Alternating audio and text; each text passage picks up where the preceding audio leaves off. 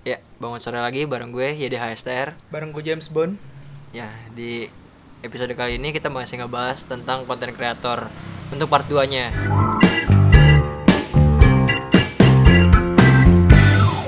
Nah, di part 2 ini kita lebih pengen ngomongin tentang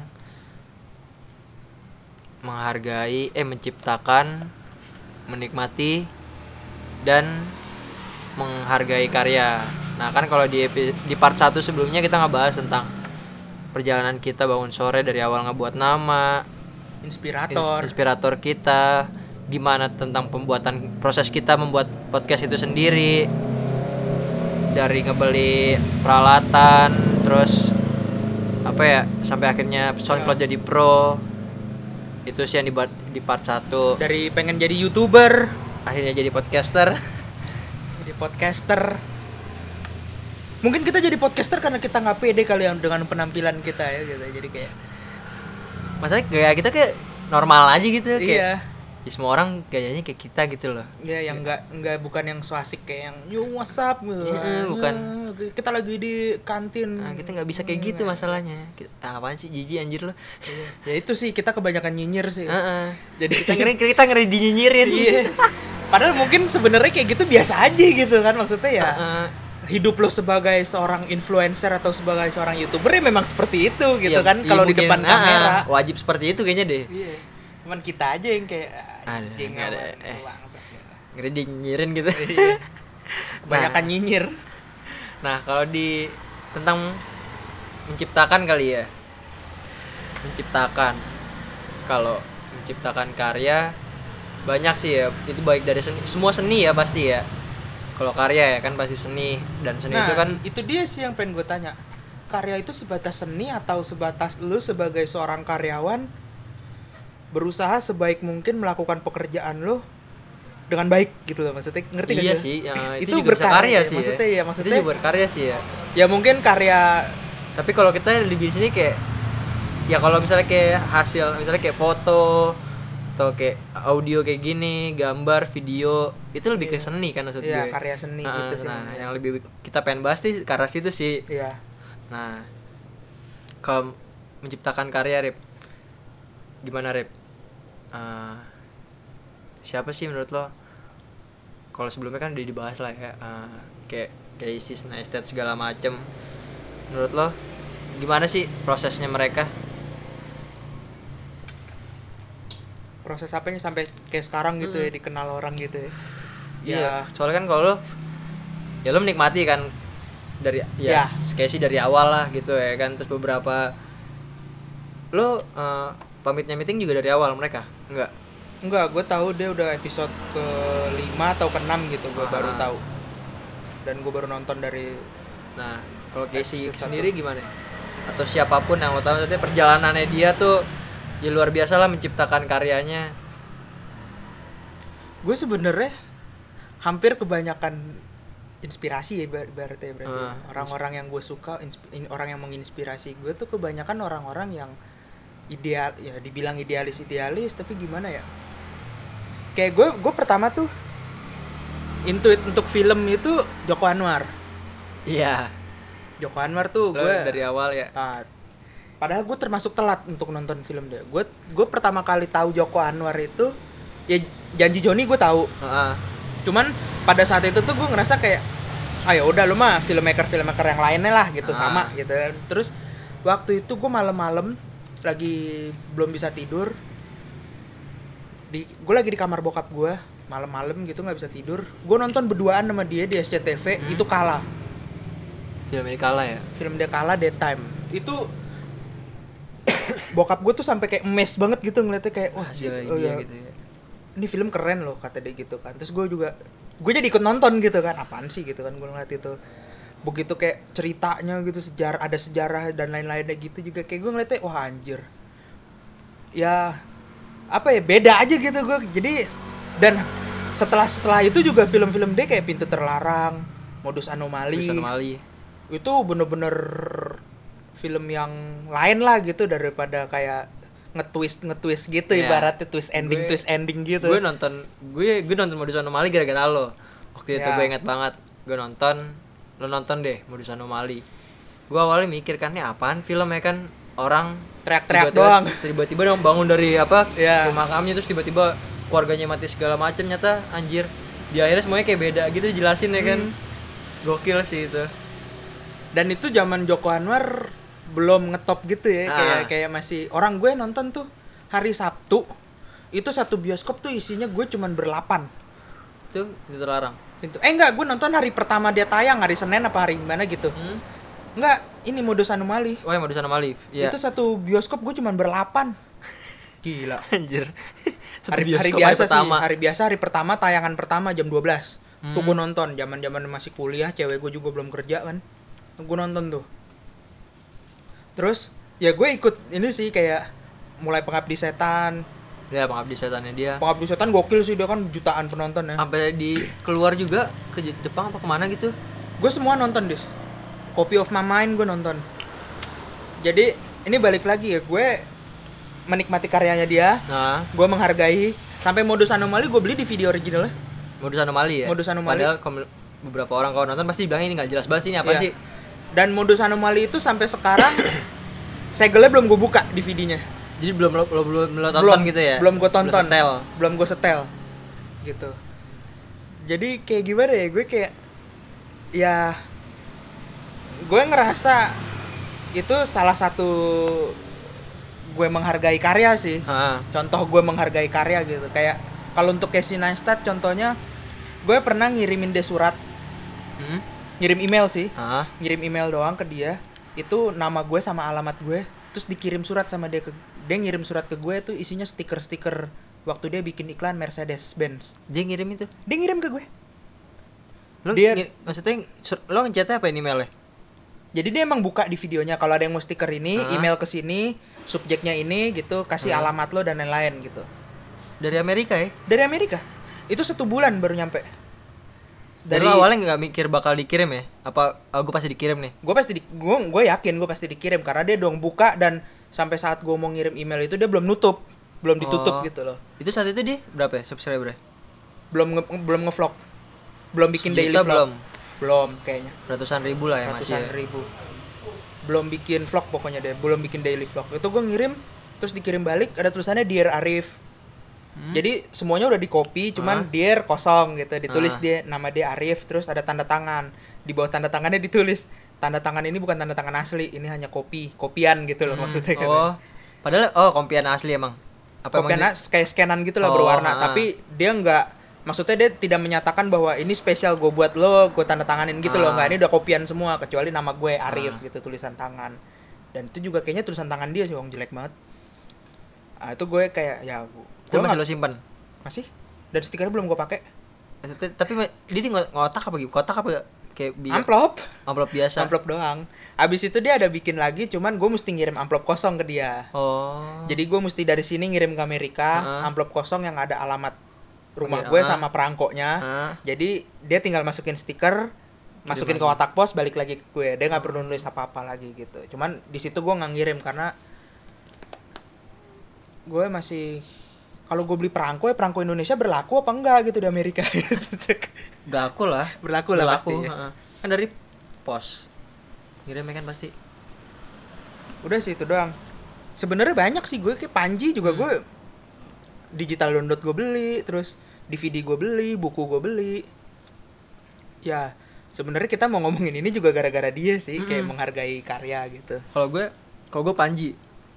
Lo Panji? Gue dari kena deh. Iya dari TV terus selan ya berlanjut lah tuh sampai dia yang bikin stand up bikin 12 konser Private Concert. Ah, dia, Private dia bikin Concert. lagi loh iya. Ini dia mau bikin lagi nih. Hmm. waktu itu kan yang, yang Tompi kan dia? Iya. Heeh. ini ini nggak ada Tompi sih tapi ada Angga Angga Angga Agak, Malik heeh, sama si Steny Steffi- Agusta. eh, Steny Steffi. Terus ada tuh juga yang penyanyinya dia ada siapa sih itu namanya? Adalah nah iya gue Magami waktu itu tahu dari situ terus mulailah booming dia stand up. Waktu Ya. itu ya kan. Tapi gue dari buku waktu itu emang. Eh kok gue enggak enggak gue bukan dari Kenade gue dulu dari provokatif proaktif. Oh berarti lamaan gue dong tahu ya tapi gue maksud gue gue dikenal. Ya cuma kan saat itu dia belum belum ya kayak udah acara pembawa acara aja Iya. gitu ya kan maksud gue. Dia ngeluarin otaknya dia di provokatif proaktif maksud gue waktu itu. Sama Ronald. Sama Ronald sama Radit. Pange kalau nggak salah. Sama Radit ya? Radit kayaknya nggak deh. Radit enggak ya Radit nggak salah tamu sama doang Pange. waktu itu. Sama Pange. Itu waktu itu sih awalnya di radio terus dibikin di Metro itu gue didengerin kan gue juga tahu itu dari sepupu gue sih emang wah anjir seru sih nih buat apa ya kayak dia kan politik segala Iya. macam dulu gue dengerin terus dia bikin buku lah gue buku kok dia kan dari awal apa ya uh, how to make uh, how, how- to sell uh, how to How I sold a thousand CD in 30 days kalau nggak salah ya. atau apa Menjual pokoknya, 1000 ah, CD dalam iya. 30 hari.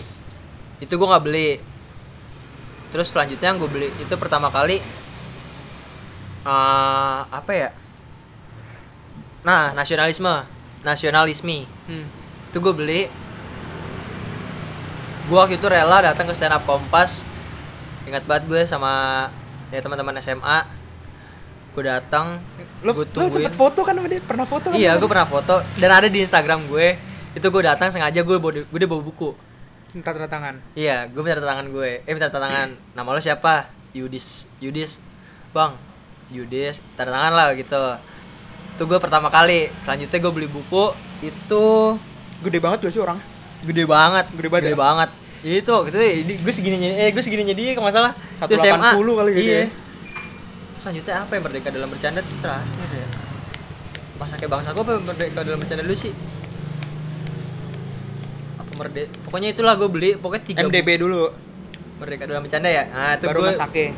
itu gue juga beli terus gue minta tangan di stand up Jakarta Utara di Gading Hmm. gue tahu dia bakal apa namanya Open mic. open mic di situ gue datang gue datang ke situ gue udah bawa buku juga awalnya gue malu-malu kan itu gue sama ya Ayung gue waktu itu kan sama Ayung juga tanda tangan kayak tanda tangan kayak. Karena dia kan duduknya beda tuh sama tongkrongan tongkrongannya dia. Hmm. Dia nekatin. Om Minta tangan dong om. Wih Nama lo siapa? Tulis lagi di Stira Nah ya udahlah Sip tuh di kumpul. Terus satu lagi nongol buku baru. Nah itu Ditandatanganinnya Dari langsung sananya. Hmm. Jadi dia ditulis untuk Lo beli jadi- pre-order berarti. Kalau nggak salah iya. Jadi gue udah nggak perlu minta tanda tangan lagi saat itu Tapi yang parahnya Buku nasionalisme gue hilang Gara-gara dipinjem. gue seingat gue dipinjem cuma maksud gue gue nggak inget siapa yang terakhir minjem dan nggak tahu udah dibalikin apa belum cuma maksud gue buku itu hilang gue pengen beli lagi tapi langsung minta tangan tuh kayak ya nggak enak gitu loh dan effortnya buat ketemu lagi tuh pasti susah Sekarang ya. Heeh. dia dia luar biasa sih influencernya ya kan Ya. ya dia nge-rap pandangan politiknya dia dia ngebuka stand up Menurut lu Panji tuh kalau berkarya udah total belum sih? gue cara dia marketing sih luar biasa. Gue lama-lama jadi kayak suka berpikir bahwa anjir orang yang kayak Panji aja banyak yang masih head hatersnya masih ada gitu ya terus? Lo ya berarti bener gitu hidup di dunia nggak berharap bisa semua orang suka sama lo ya. iya. Maksudnya sekarang gini deh cuma gara-gara dia masuk ke kubu yang lain Iya. terus kayak semua karyanya dia tuh dia kayak mau ngebuat ya kemarin lo bilang juga itu jadi kayak disambung-sambungin wah anjir mau nyalon nih dia mau nyalek Mm-mm. semua orang pasti berpikir kayak gitu kan ah nih pasti partai ini nih pasti partai ini nih ya kayak gitu lah gimana dia cara ngolah itu biar jadi kayak booming nih gue gue Ya, gue iya. terjual Mm-mm. Itu sih. itu luar biasa menurut gue marketingnya dia dari dulu tuh luar biasa sih nggak ada yang biasa gitu loh Hmm. Kalau dari musik maksudnya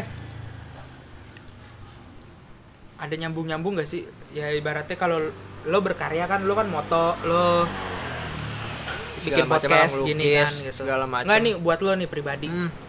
Lo bikin podcast, lo bikin apa?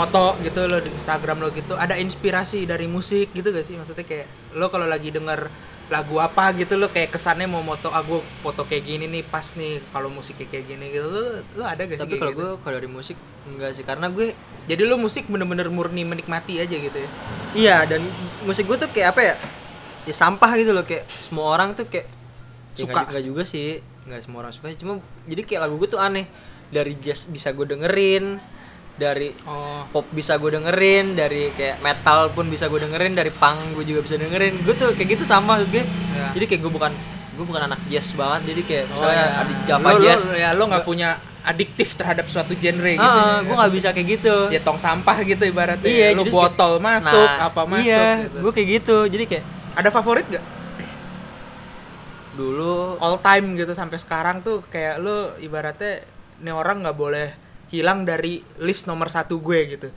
Ibaratnya ya ya lo boleh lo dengerin band lain lagi suka band lain cuman begitu balik lagi mengingat-ingat ini tetap nomor satu buat gue. Kalau Indonesia sih Sela gue.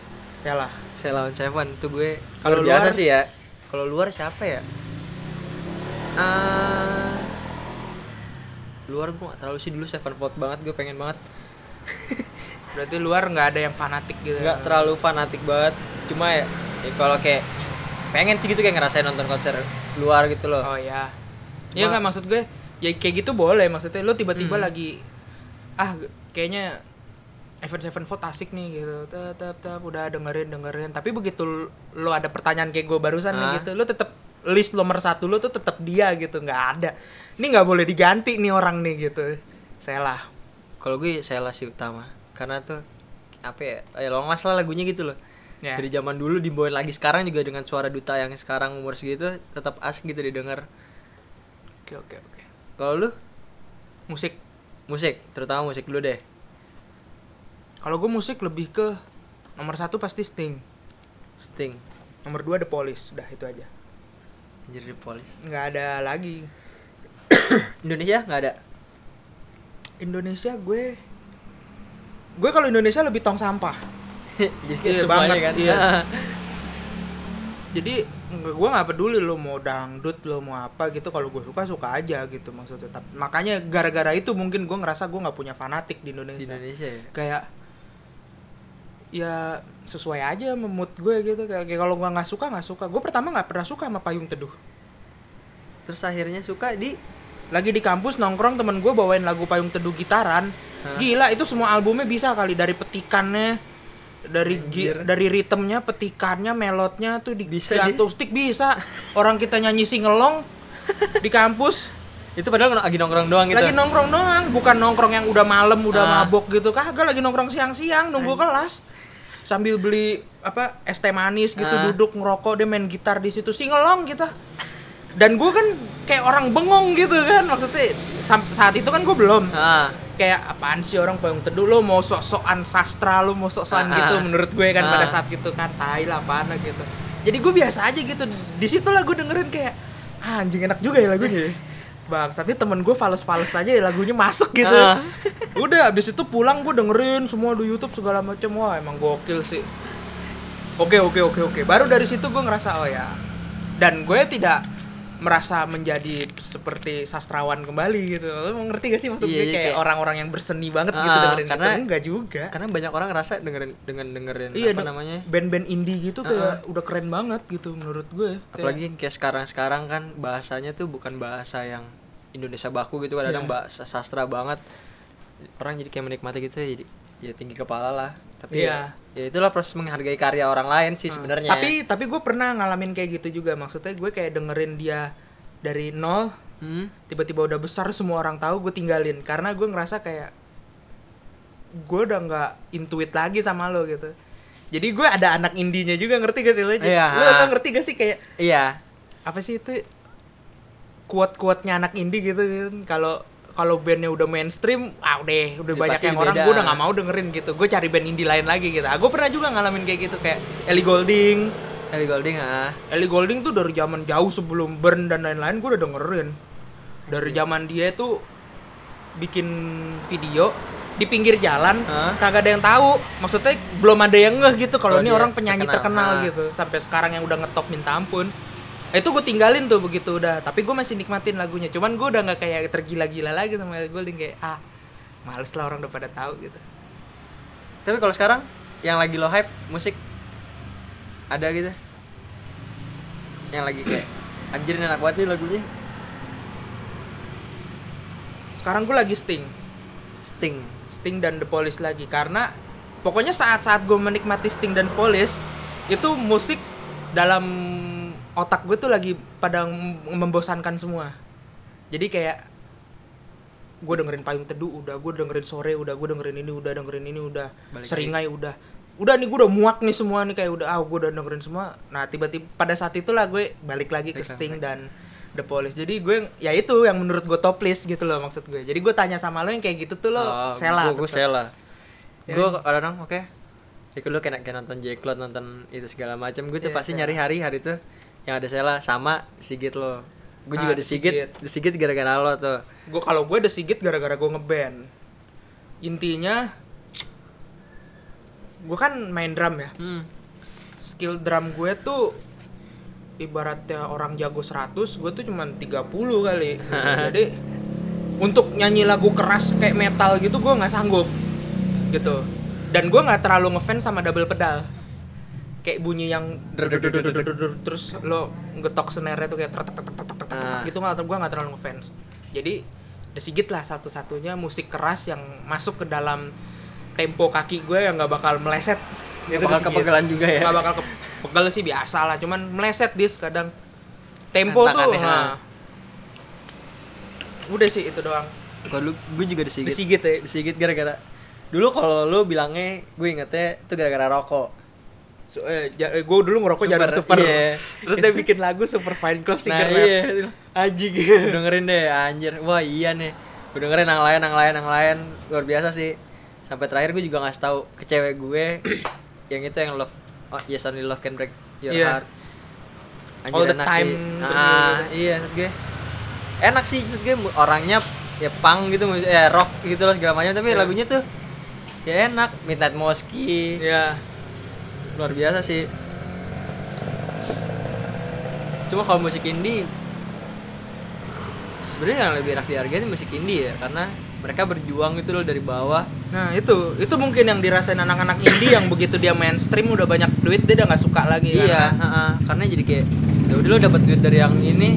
Kayak dulu misalkan ibaratnya lu rekaman susah payah pakai gitar yang lu punya terus rekam seadanya hasilnya bagus gitu Nah. kan sekarang begitu lo semuanya bisa dapet dari mulai mixing di Sony atau gimana gitu lo bisa diproduserin Indra Lesmana jadi yang bikin biasa-biasa tapi ya udah Iya. pasti ya udah pasaran gitu kalau bikin lagu biasa juga bagus kok gitu Heeh. kalau gue satu dari yang lu dari lu juga sisi tipsi Hmm. itu juga enak sih anak kampus Heeh. kan lo bilang dengerin deh nih teman kampus gue terus sekarang udah gede bahkan namanya Iya, ya kan? iya. anjir. Setiap ada kayak festival musik tuh ada aja dia. Lagi merajai pensi. Ya eh tapi pensi masih musim gak sih? Masih sih. SMA kayak gitu kayak gitu Iya. masih. Kita aja udah nggak masuk lagi ke situ ya. Cuma anjir, katanya anjir lu ngerasa lu ngerasa gak sih sekarang kalau lu ke baskom atau ke antik gitu lu kayak Enggak. om-om di tengah-tengah bocah oh, gitu gue sih? gue menghindari itu. Gue sih lebih kayak sekarang Jack Lot udah ber- nggak ada sih. Ya maksudnya udah Jack Lot udah nggak musik katanya. Hmm. oh ya? Katanya eh jadi apaan? apa sih eh pagelaran seni. Bukan apa sih manajernya tuh yang dulu yang bikinnya lah gitu. Hah? CEO-nya dulu. Sekarang tuh hijrah. Ke K-pop. Hijrah. Oh jadi yang kayak gitu tuh musik-musik tuh berkurang. Jadi tetap jadi kayak baju doang. Katanya kayak gitu. Jadi kayak aduh bingung lagi ke mana lagi gitu ya kan. Harus kita menikmati musik dengan murah. Ya paling PRJ ya kan. Dulu sih kayak gitu. Cuma kalau apa namanya ke pensi-pensi sekolah wah udah kayaknya bukan ada zamannya lagi Iya. gitu loh. Kita pakai kemeja gitu gitu gue aja waktu itu lagi di Tamsur sama cewek gue sama temen gue. Gitu kan lagi duduk-duduk gitu. Sore nih disamperin sama anak-anak SMA anak 68 kalau nggak salah mau bikin Hmm. acara kasih flyer kalau mau beli sekarang bang sama saya itu 50% apa gimana gitu jadi Hmm. tiketnya 35 beli sama dia tuh bisa 15 atau 20, 20. gitu pada saat itu kan terus gue bilang, per- kata pertama yang keluar dari mulut gue ke dia tuh lo yakin ngundang gue nyuruh gue datang gitu ya Iya. kan terus nggak apa-apa bang ini untuk umum kok eh, bukan maksudnya kayak apa ya bukan umur gue lagi gitu loh Buat maksud datang-datang gue. kayak buat gituan. datang ya gue datang datang cuman kayak gue ngerasa kayak ya udah jauh lah gitu iya maksudnya pasti kayak yang datang tuh anak-anak SMA lain. tiga lima gitu loh.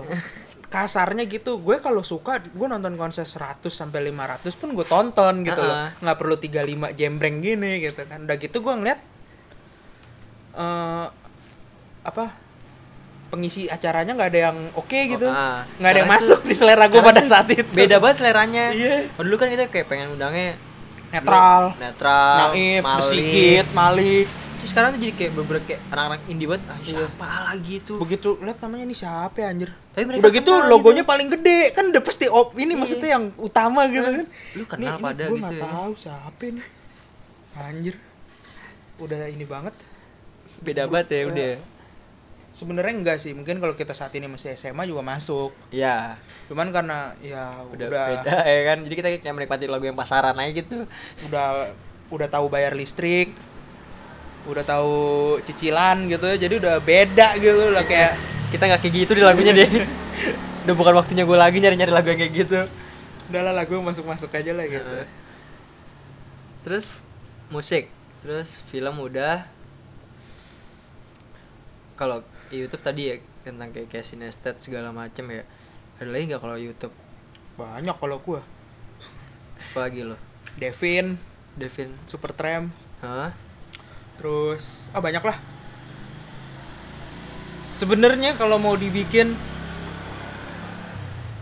konten-konten YouTube itu gue tahu banyak. Asal jangan Luar daily dari- vlog. Asal jangan daily vlog ya.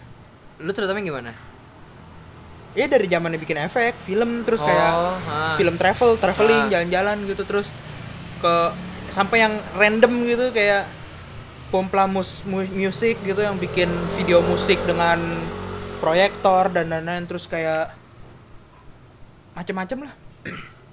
Sampai sekarang lo sampai sekarang PES yang bikin animasi stop motion Mm-mm. tuh gue banyak. Maksudnya subscriber gue nge-subscribe orang-orang kayak gitu tuh beragam tapi tetap aja yang gue suka juga gitu. Jadi kayak daily vlog daily vlognya youtuber youtuber. Terutama youtuber Indonesia ya nge daily vlog nggak ada yang jelas menurut gue jadi ya udah kalau gua gue dulu. Indonesia salah satunya kayaknya sih. Ad- Radit gue sempat nonton daily vlognya. Itu karena dia yang bikin film oh gue ya lupa bikin lagi film bikin film apa gitu. Ya behind the scene-nya kan. Iya jadi kayak dia prosesnya dia dia nggak ngevlognya itu gue anjir ilmu banget ini. Dari zaman sendiri sampai punya padil ya kan? Iya ya kan? Dia deal ngerekam deal sendiri. deal deal. Sampai punya Ah. sampai dapat padil. Asisten. Tuh iya. vlognya Itu juga- isi isinya tuh luar biasa gue ilmu perfilman banget sih. Gue gue juga nonton itu juga kayak anjir nih mah kayak gue syuting. Jadi kayak gue syuting beneran iya. gitu. Gue ada anak lighting ada anak art. Dari dia proses survei segala macam. Wah anjir luar biasa sih. Tapi selanjutnya kan kayak ada jeda gitu. Dia akhirnya kayak biasa doang. Iya. vlog-vlog biasa. Gue nggak nonton. Terus sempat dia bikin lagi kan tuh nggak lama jadi dia bikin film lagi. Ngevlog lagi terus gue ah beda nih. Maksud gue ya Iya. udah terbiasa gitu ya kan. Nah udah gue nggak nonton tapi itu emang sih maksudnya dengan adanya YouTube besar gitu ya jadi orang ngepromoin behind the scene gitu udah nggak perlu masuk TV lagi sekarang. Iya. Lu bikin behind the scene masukin YouTube aja udah gitu ntar kan. pemain-pemain lo juga orang-orang YouTube ya kan Iya. udah tinggal mereka masukin di channelnya mereka masing-masing aja gitu. Kalau dulu kan masuk TV Harus gitu masuk tau gak sih yang ya kan? sebelum behind the scene-nya mulai gitu kayak trailernya dulu. Nah terus baru behind the scene-nya terus ada kayak produsernya duduk gitu ngomong tentang film Ah, sutradara iya. duduk gitu kan. Proper banget. Ya gitu Ah. masih perlu sih cuman kalau lo mau cepet gitu ya udah YouTube aja gitu. YouTube tinggal upload gitu ya kan? YouTube nggak ada redaksinya. Asal jangan konten sara porno menyinggung orang meremehkan orang udah, aman. Udah nggak bakal di ban sama Nggak YouTube bakal. ya itu kan kalau soal menciptakan ya? Mm-mm. soal menik ya menikmati juga lah tadi ya kan? Ya, sebenarnya kita udah ngebahas semua kayak menghargai Hmm. juga gitu. Cuman intinya menghargai karya tuh apa sih? kalau menghargai karya sih menurut gue gini ya satu ya gimana ya misalnya nih kayak ada lagi yang booming gitu loh ada orang booming entah itu di YouTube entah itu di podcast entah itu di foto video atau apa namanya ya apa pun itulah mereka membuat karya maksud gue kalau lo emang nggak tahu prosesnya jangan dijudge dulu lo gitu loh kadang kan ada orang ya wah anjir nih ngambil Ya. dari sini nih kayak gini kayak gini tiru segala macam. Apalagi musik terutama ya kan? Ya gue ingat kata siapa dulu ya lo pasti bakal ada miripnya lagu entah di part mana part mana ya karena nada cuman segitu. Nada cuma ada tujuh ya kan? Ya lo lo apa namanya? Nada dasar tujuh ya udah itu itu Ah, aja pasti musik. kayak gitu ya kan? Tapi jangan dijudge dulu loh. Ya lo ya lo menghargai aja gitu. Orang juga pasti gue yakin Ya. mereka juga pasti mikir dulu kok maksud gue. Ya liriknya kan nggak mungkin sama berarti kan mereka mikir lirik gitu loh. Originalitas itu bukan berarti lo tidak apa ya nggak mirip sama siapa pun gitu. Mm-mm. lo untuk hidup di 2018 sementara musik tuh dari zamannya Mozart Beethoven dari 1600 700 udah Ah. ada. Lo yakin lo mau bikin musik murni itu ide original dari otak lo gitu? Kayak ini baru gue doang nih yang bikin ini. bikin kayak gini yang punya ide kayak gini. Terus untuk foto foto lukis tuh anggaplah sama gitu ya. Ah. lu lukisan udah dari zaman dulu foto pun dari zaman 1900 awal atau 1800 akhir. Dan dan nggak usah munafik juga ya kan pasti ya untuk pembuat karyanya juga sih ya Maksud gue ya lu jangan munafik juga ya ini gue murni ya pasti Iya. lu juga kan punya inspire ya Iya. lo bilang tadi lo punya siapa pun Hmm. ya Casey atau segala macamnya yang travel vlog segala macam ya tidak pasti tidak niat nyontek pun kalau pengambilan iya, gambar kayak maksudnya gitu kan, kayak kayak terinspirasi Ah, kan ah. gitu kan kayak wah, Wah. si doi ngambil gambar kayak gini bagus nih gitu iya kan. anjir kalau mau gitu. meletakin kamera kayak gini terus pemandangannya kayak gini keren juga nih. Walaupun tempatnya beda kan seenggaknya ya itu gue tahu dari dia gitu ya kan. Ya. entah dia tahu dari mana lagi gue ya kan. Seenggaknya itu kita udah ya kita niru.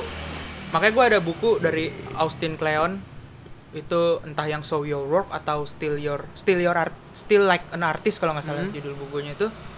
Dia ngasih tahu tuh kayak lo tulis semua inspirasi lo orang-orang yang menginspirasi lo dan karya-karyanya lo tulis jadi begitu saat lo mau berkarya misalnya lo mau berkarya film film ini nih genrenya begini konsepnya begini lo lo masukin tuh list-list itu yang kira-kira cocok gitu loh Hmm. kayak misalkan Joko Anwar Ah. terus Hanung Bramantyo oh ini pas nih untuk untuk ceritanya twist ending gue masukin Joko Anwar gitu-gitu untuk Oh, special effect kombinasinya. ah, kombinasi gitu jadi begitu film lo jadi ya itu film lo terinspirasi dari ini dari ini gitu jadi still like an artist gitu jadi lo mencuri seperti layaknya seorang seniman gitu loh iya benar-benar kayak gitu iya jadi nggak akan bisa lah lo bikin sesuatu original gitu tiba-tiba nggak mungkin lo pasti terinspirasi seseorang apa yang membuat lo ingin berkarya gitu loh maksudnya kan kayak wah gue ngeliat orang bikin lukisan kayak gini nih gampang kayaknya bisa nih gue gitu kan orang kayak gini gambar Ya. anime segala macam ya gambar kan? orang kayak tai lalat gitu nggak bagus Ah. nggak ada bagus-bagusnya bisa atau gitu ada kan. popo yang kayak gitu nah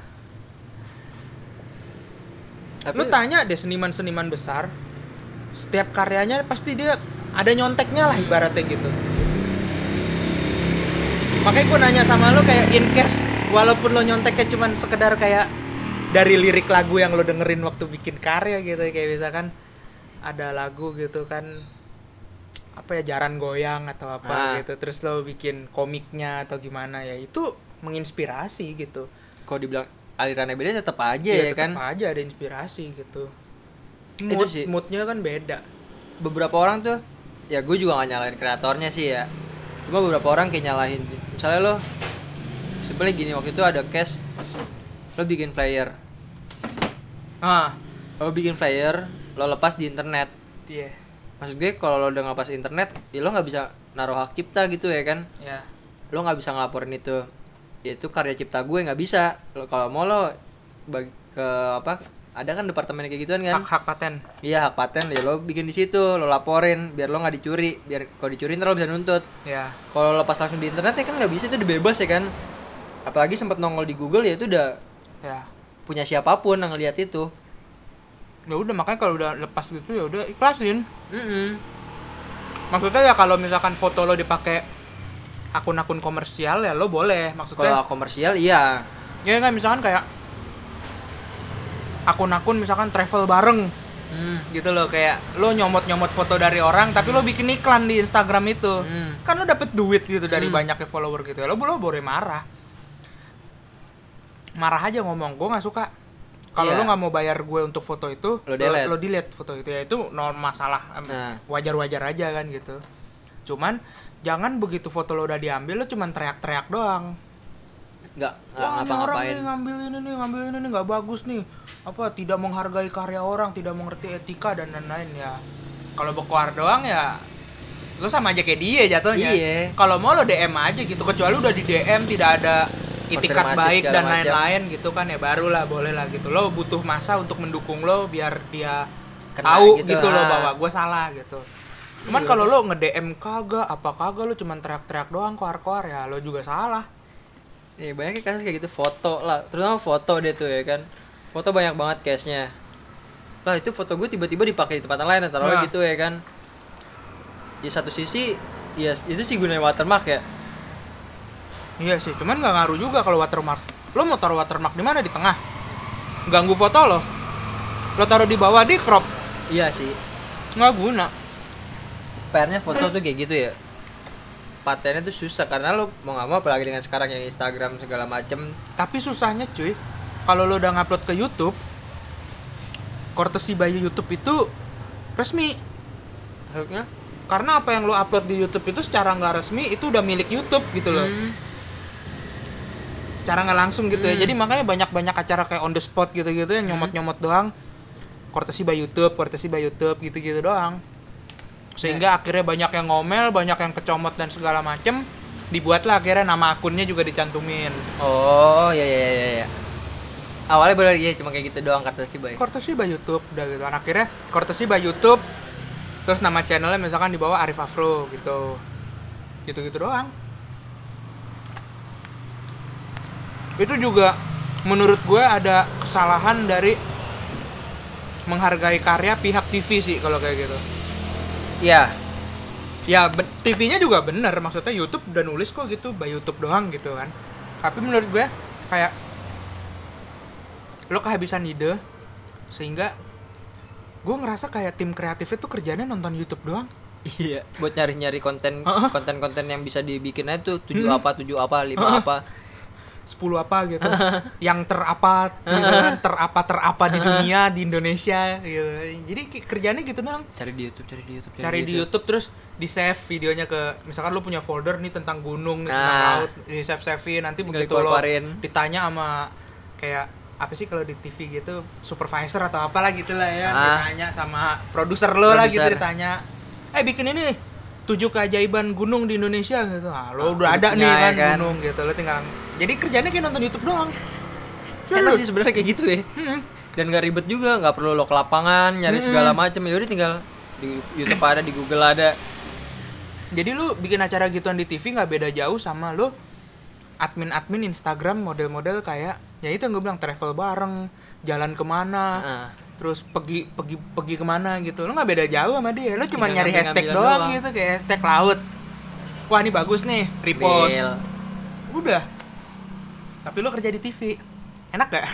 enak banget lah kalau kayak gitu mah. Apalagi kalau misalnya kayak gitu kerjaannya nonton YouTube nge-save-savein gitu. Ya anjir itu udah enak banget. Temennya pada sirik kayak anjir lu gak kerja lo ya gue lo pikir gue lagi ngapain anjing Nonton YouTube. nonton YouTube Ah. kagak di gue kerja Anjir.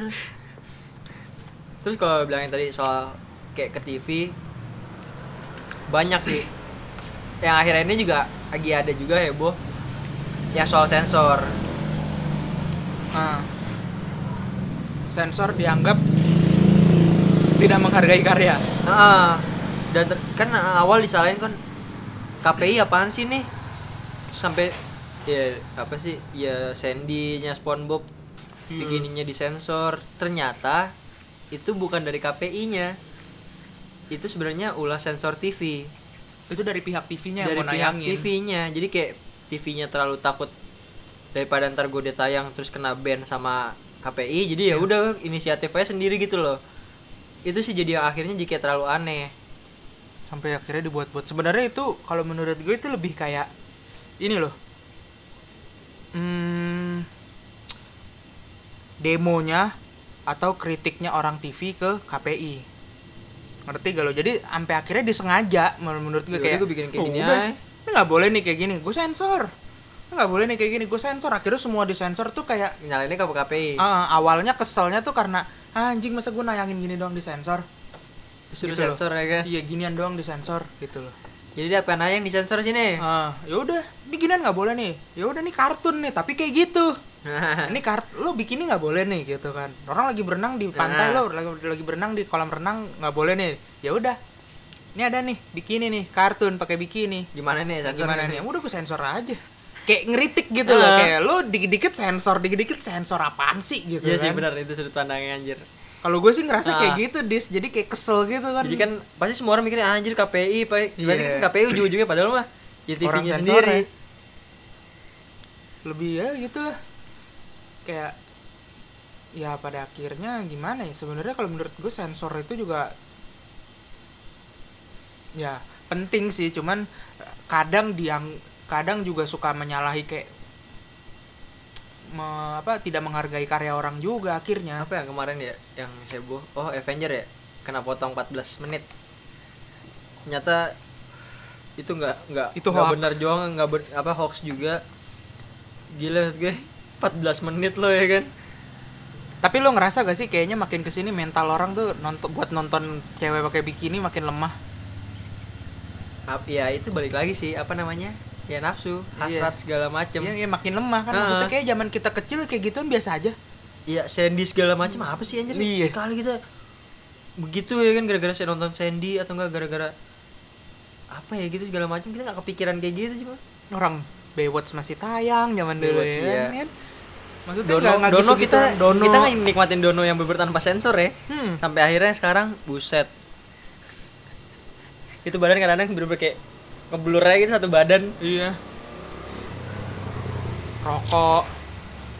rokok iya darah kadang-kadang jadi Hitam putih. atau enggak jadi kayak lewat aja gitu Rokok sih yang menurut gue rada aneh. Lo Emang kalau disensor gitu orang kagak tahu apa dia ngerokok?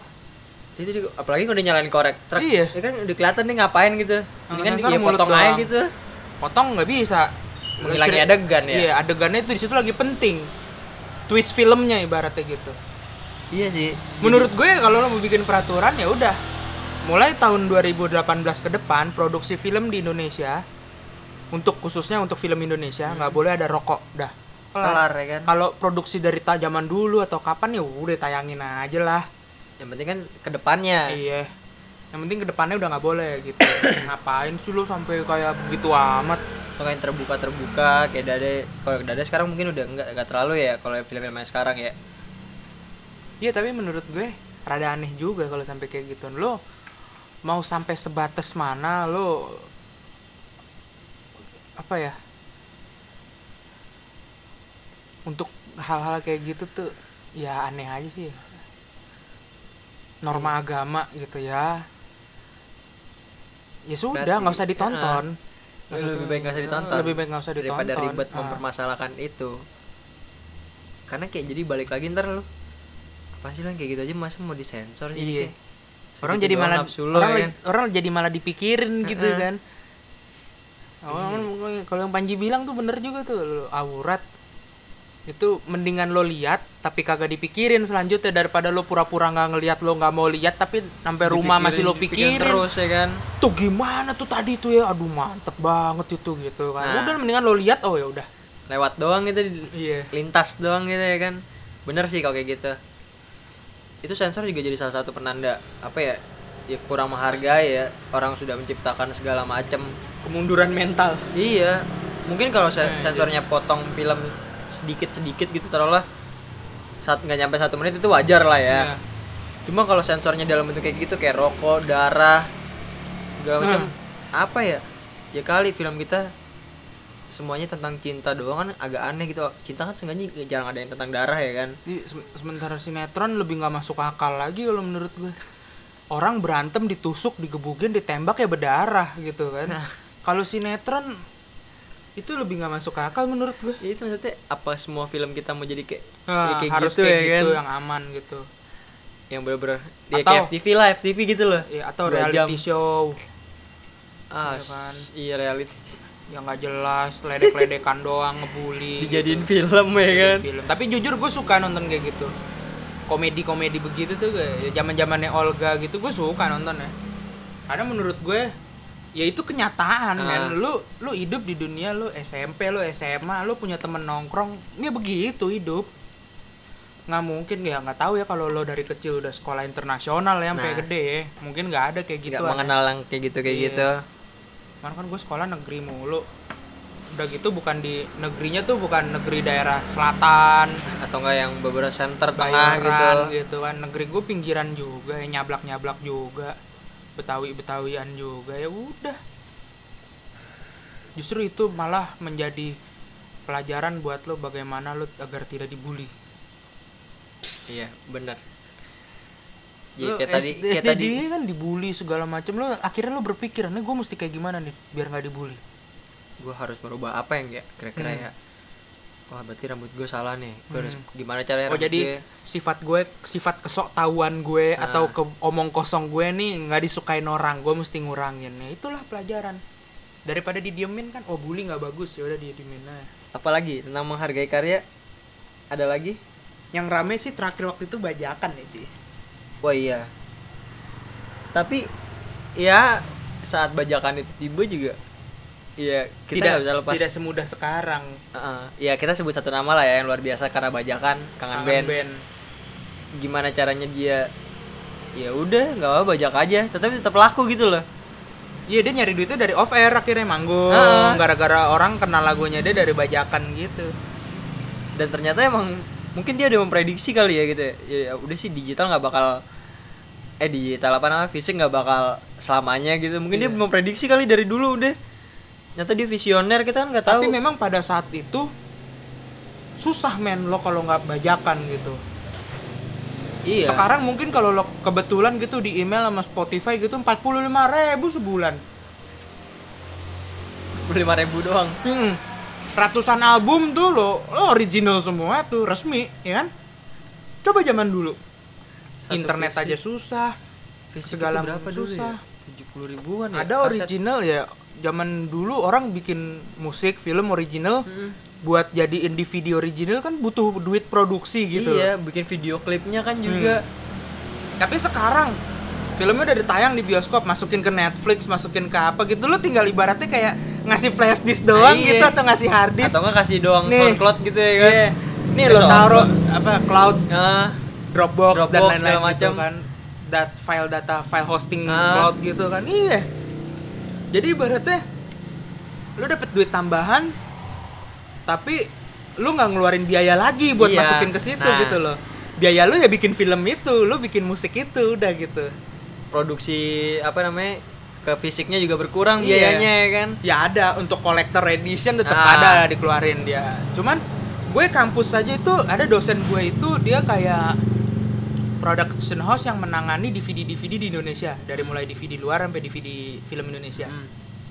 itu emang terakhir-terakhir ini begitu internet itu udah semudah di genggaman lo udah dapet internet tuh emang turun DVD lo mau jual Blu-ray lo mau jual apa 4K segala macem udah nggak ngangkat lah ibaratnya Iya sih benar.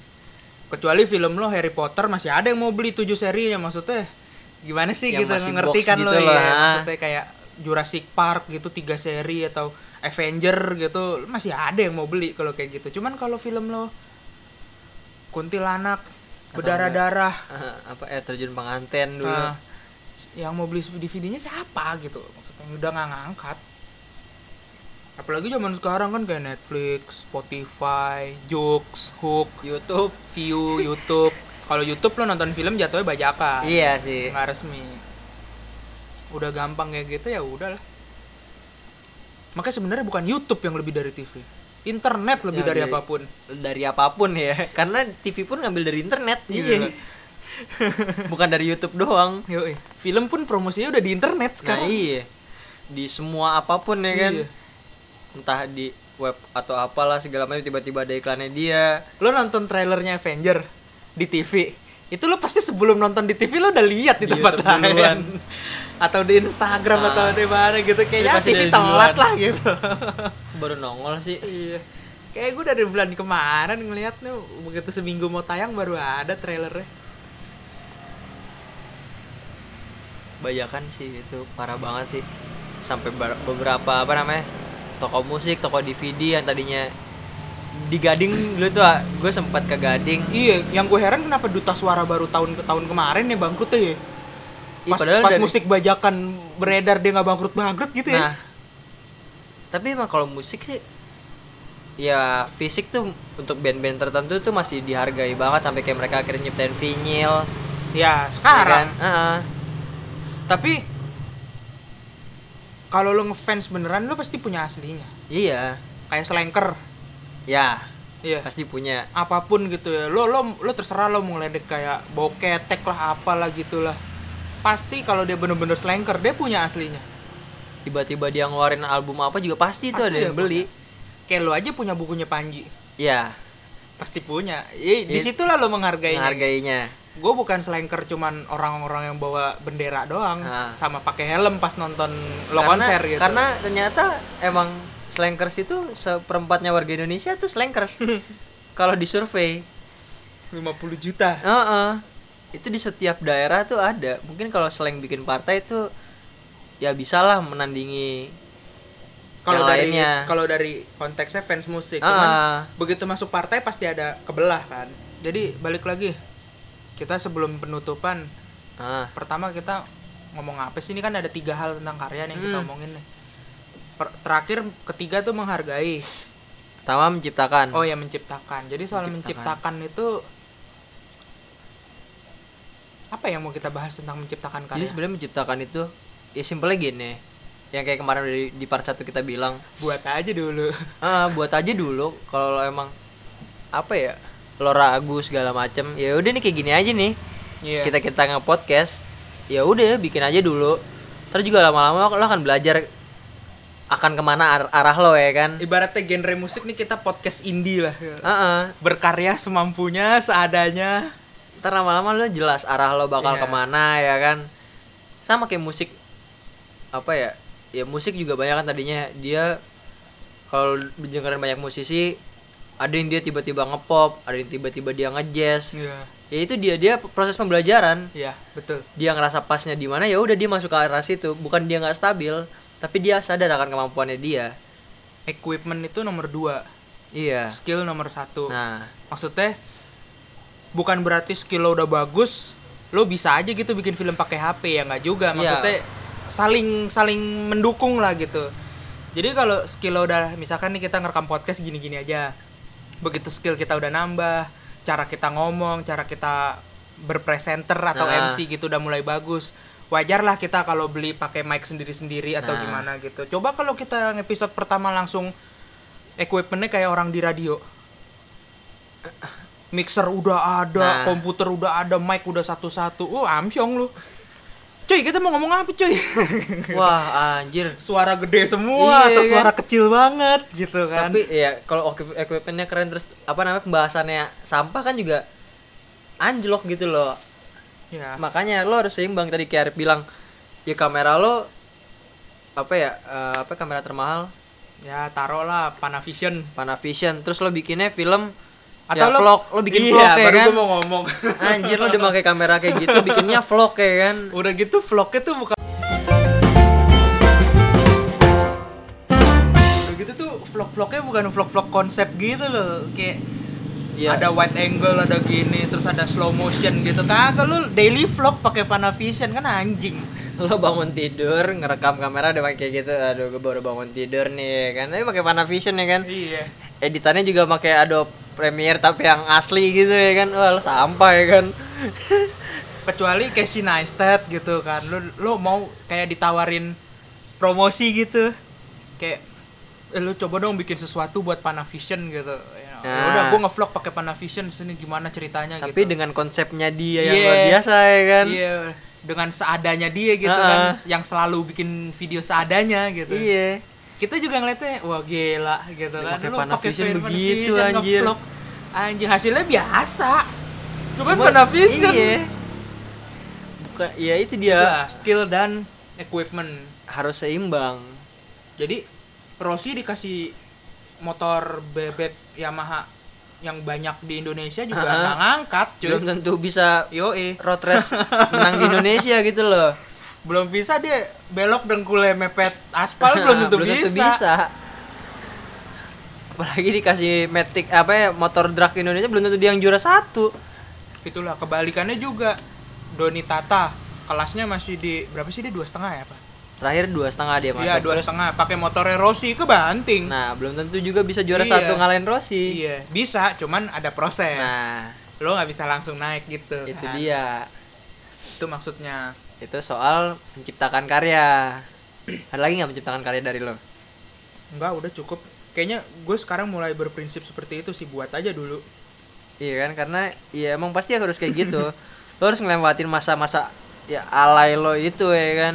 Kalau lo mau tahu pastinya gini aja le. Lo cari sutradara Hollywood lah taruh yang film udah keren-keren. Steven Spielberg Quentin Tarantino gitu Ya, lo kalau bisa dapet film pertamanya dia dia. entah film dia zaman kuliah entah film dia zaman SMA film pertamanya dia gitu. Ah tuh lo tonton aja. Pasti ya itu lo iya, ngerasanya gitu. juga kayak "Ih, sampah sesampah sampahnya gitu. Anjay. iya kan? Nggak mungkin dia bikin film langsung Jurassic Park. Langsung Titanic langsung Nah. Avatar kan nggak Nggak mungkin. itu sih soal menciptakan, menciptakan karya. Abis itu? Menghargai. Enggak itu ketiga. Menikmati. Menikmati menikmati sebenarnya menikmati 11 12 sama menghargai ya iya karena ber- saling berkorelasi Iya.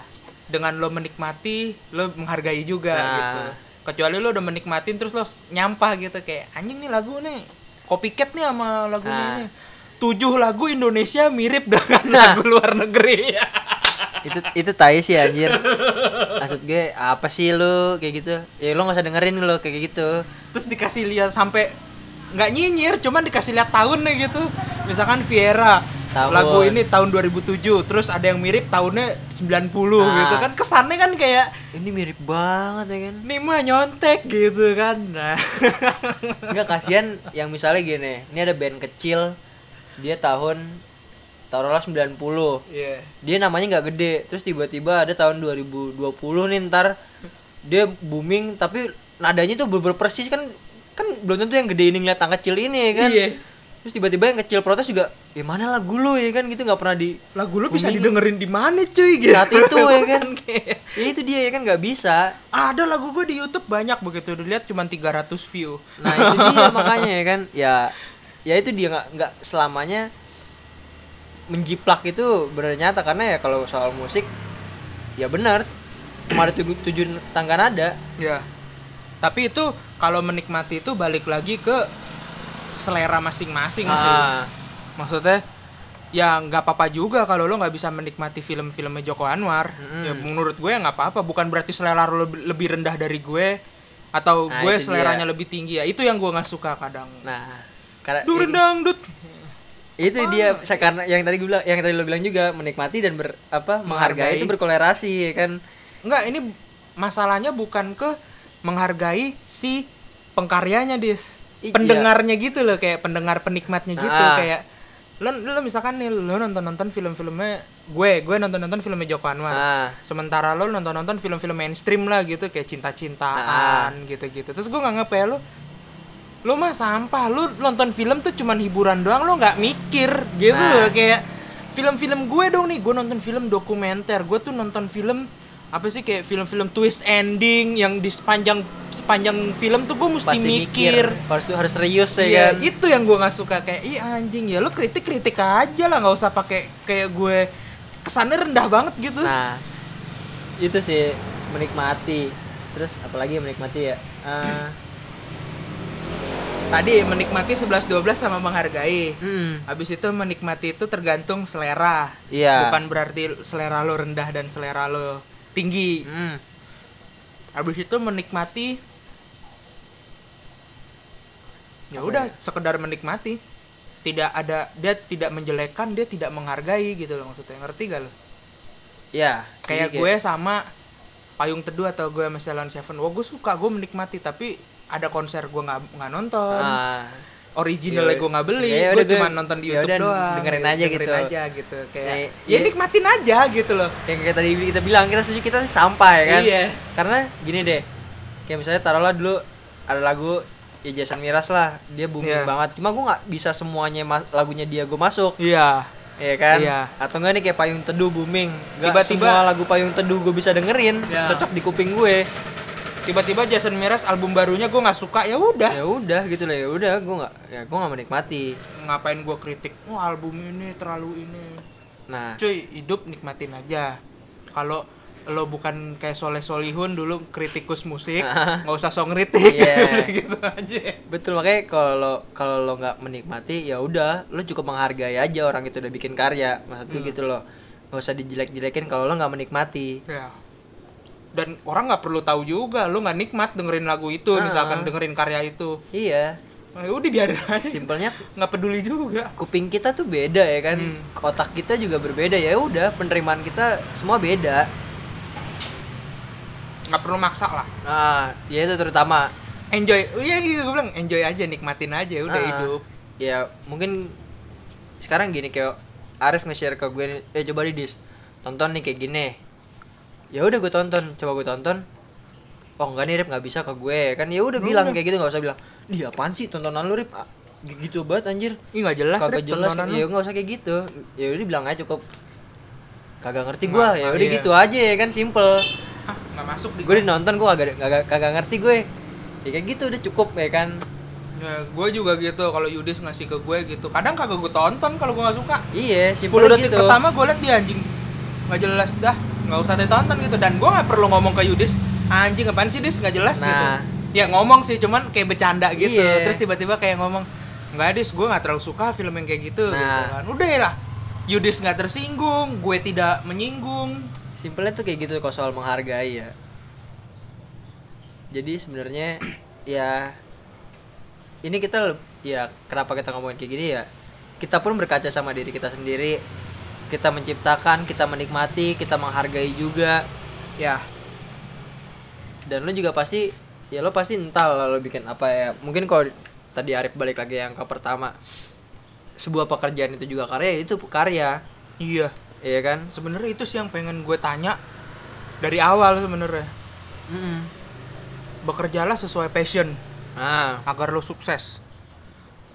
Yang pengen gue tanya ada gak sih orang yang passionnya tuh 9 to 5 di depan komputer. Nah itu loh. Ada. Passionnya apa? Kantoran. Kantoran. Back office. Jadi kayak ya udah. Ya sama kayak waktu Revi bilang kalau soal kayak gitu. Dia lebih enak mana front office atau back office? Dia lebih setuju ya gue lebih back office eh front office. Gue bisa ngobrol sama orang. Hmm, makanya berhadapan kayak ada sama orang. ada yang misalnya gini ada orang dari lulusan market apa manajemen nggak semua orang manajemen suka jadi marketing ya Padahal orang-orang marketing lebih banyak dari orang-orang manajemen. Simpelnya gitu. Gue nggak senang dengan cara kerjanya marketing atau gue nggak senang terlalu banyak ngobrol sama orang segala macam. Ya itulah dia. Itu passionnya.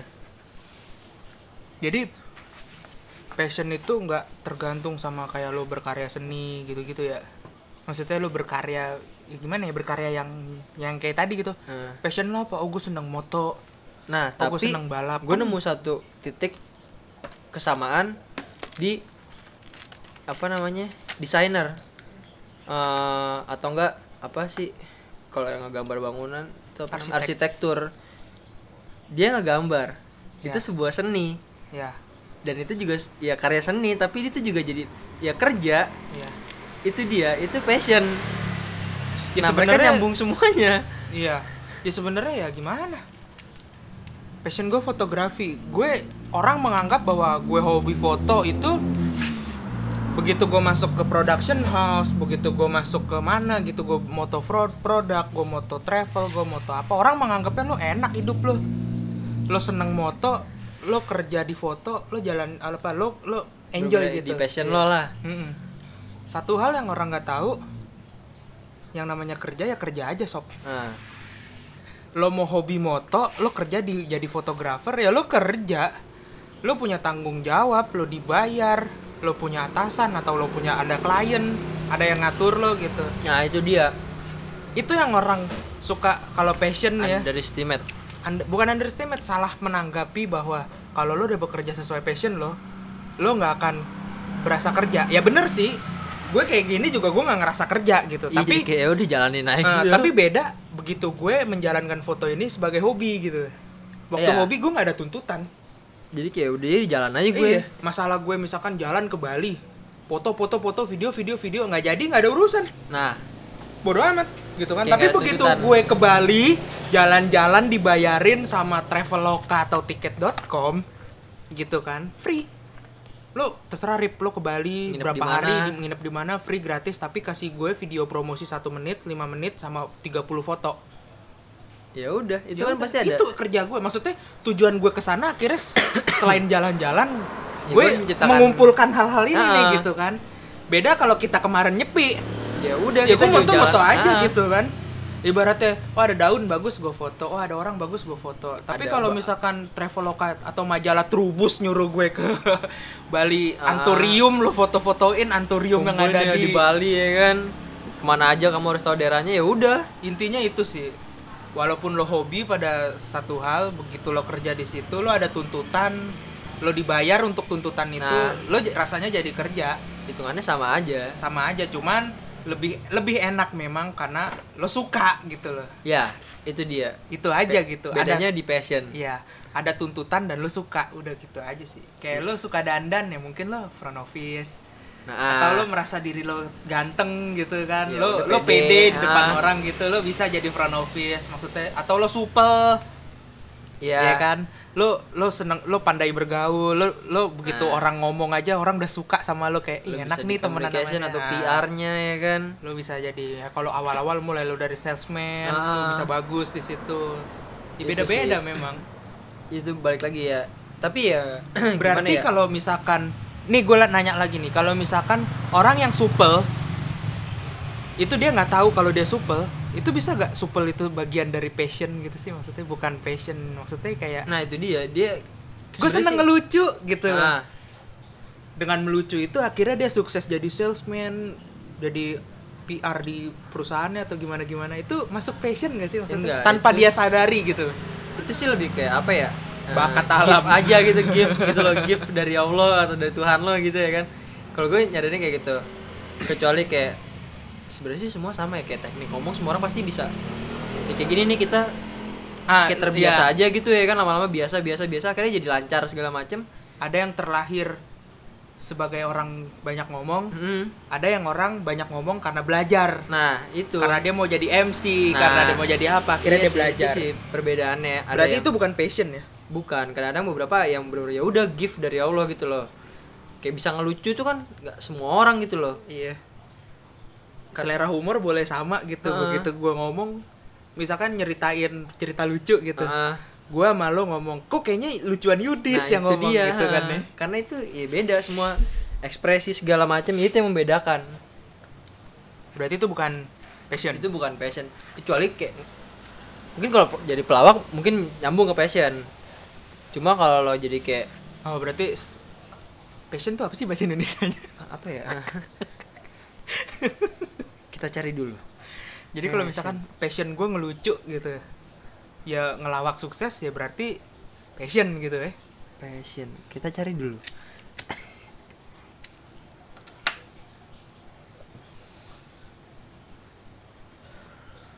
Passion. Gairah. Semangat. Kegemaran. Oh gemar. Kegemaran. Hobi lah gitu hobi ya. bener. Ah, hobi hobi iya hobi jatuhnya. kesukaan kegemaran Ya, berarti benar kalau kayak gitu mungkin kalau yang kita udah bilang dia sales tapi mengandalkan dengan apa ya humorisnya dia ya itu sih kayak iya mungkin ma- apa ya eh, Memanfaatkan. memanfaatkan salah satu keandalan dia keunggulannya Iya. dia gue kalau ngomong orang biasanya suka nih dengerin gue Ah. ngomong gitu ya itu dia lebih ke gift Tuh kan jadi kita ngomongin passion dah. ya udahlah. Pokoknya intinya setiap episode kita kalau udah masuk ke kesimpulan pasti panjang lebar. yang lebar selalu tapi sebenarnya nyambung sih ke nyambung itu Ke karya. ke karya Ya cuman dari Agak tiga poin yang harus kita simpulkan akhirnya jauh. melebar. Pokoknya kita kalau lo baru pertama kali denger podcast ngalor ngidul, podcast bangun sore Ah. ngalor ngidul, apalagi baru di season 3 ini gitu Nah, tiba-tiba ya lo pahamin aja lah. Kita ini tidak terus kita ada struktur. Mm-mm. ngomong intro terus kayak pembukaan bla bla bla bla tapi nggak tertulis dan nggak ada skrip gitu Iya, karena- skrip ada cuman cuman poin doang ya kita skripnya ya. jadi kayak yang kita mau kita omongin apa nih kayak tadi misalkan karya konten kreator part 2 ya udah poinnya apa gitu poinnya menciptakan, Menciptakan, menikmati, menikmati, dan menghargai. menghargai. Udah sisanya ngalur ngidul. Namanya juga ngalur ngidul. karena kurang seru kayak ya tadi sebenarnya ya nyambung nyambung aja gitu loh ya udah gimana ditambah lagi buat part 2 ini konten creator Udah sih daripada gue panjang Ya, lagi ya udah langsung aja. untuk episode 2 konten creator part 2 ini di season 3 kita selesaikan Dengan- dengerin terus apa Dengan kesimpulan yang tadi dengan itu. kesimpulan yang tadi ya itu pokoknya sebelum yang passion tadi Nah, itu, tuh kesimpulannya itu dengerin terus podcast kita ada di SoundCloud dan ada di podcast iTunes Bangun sore ngalur dengan ngidul. nama Bangun Sore podcast Bangun Sore ngalur ngidul. ah udah ada tiga season total ada 20 Dua. satu video. 21 ya 9 10 2. sama dua ini yang kedua 21 Udah 21 episode berarti. ah didengerin Terus di follow di subscribe di like dan di share terutama ada di rating juga bisa. bisa di rating di podcast Terus di ya follow dikasih- follow Twitter. follow Twitter dan Instagram kita ada namanya bangun sore kalau yang di Instagram e nya dua E-nya 2 bangun sore E. Ah, ah. Terus YouTube juga bisa di-subscribe di bangun sore walaupun belum ada apa-apa. Ah. cuma Subscribe kita aja dulu. akan ya sebetulnya kita berkembang ya kan kita merambah dunia per YouTubean Tarik suara. Indonesian Idol. ya udah intinya untuk podcast kali ini gue tutup Dengan- Saya James Bond dan gue Yedi Esther pamit undur diri. Asik. Sedap kayak berita pagi. pokoknya jangan lupa bangun sore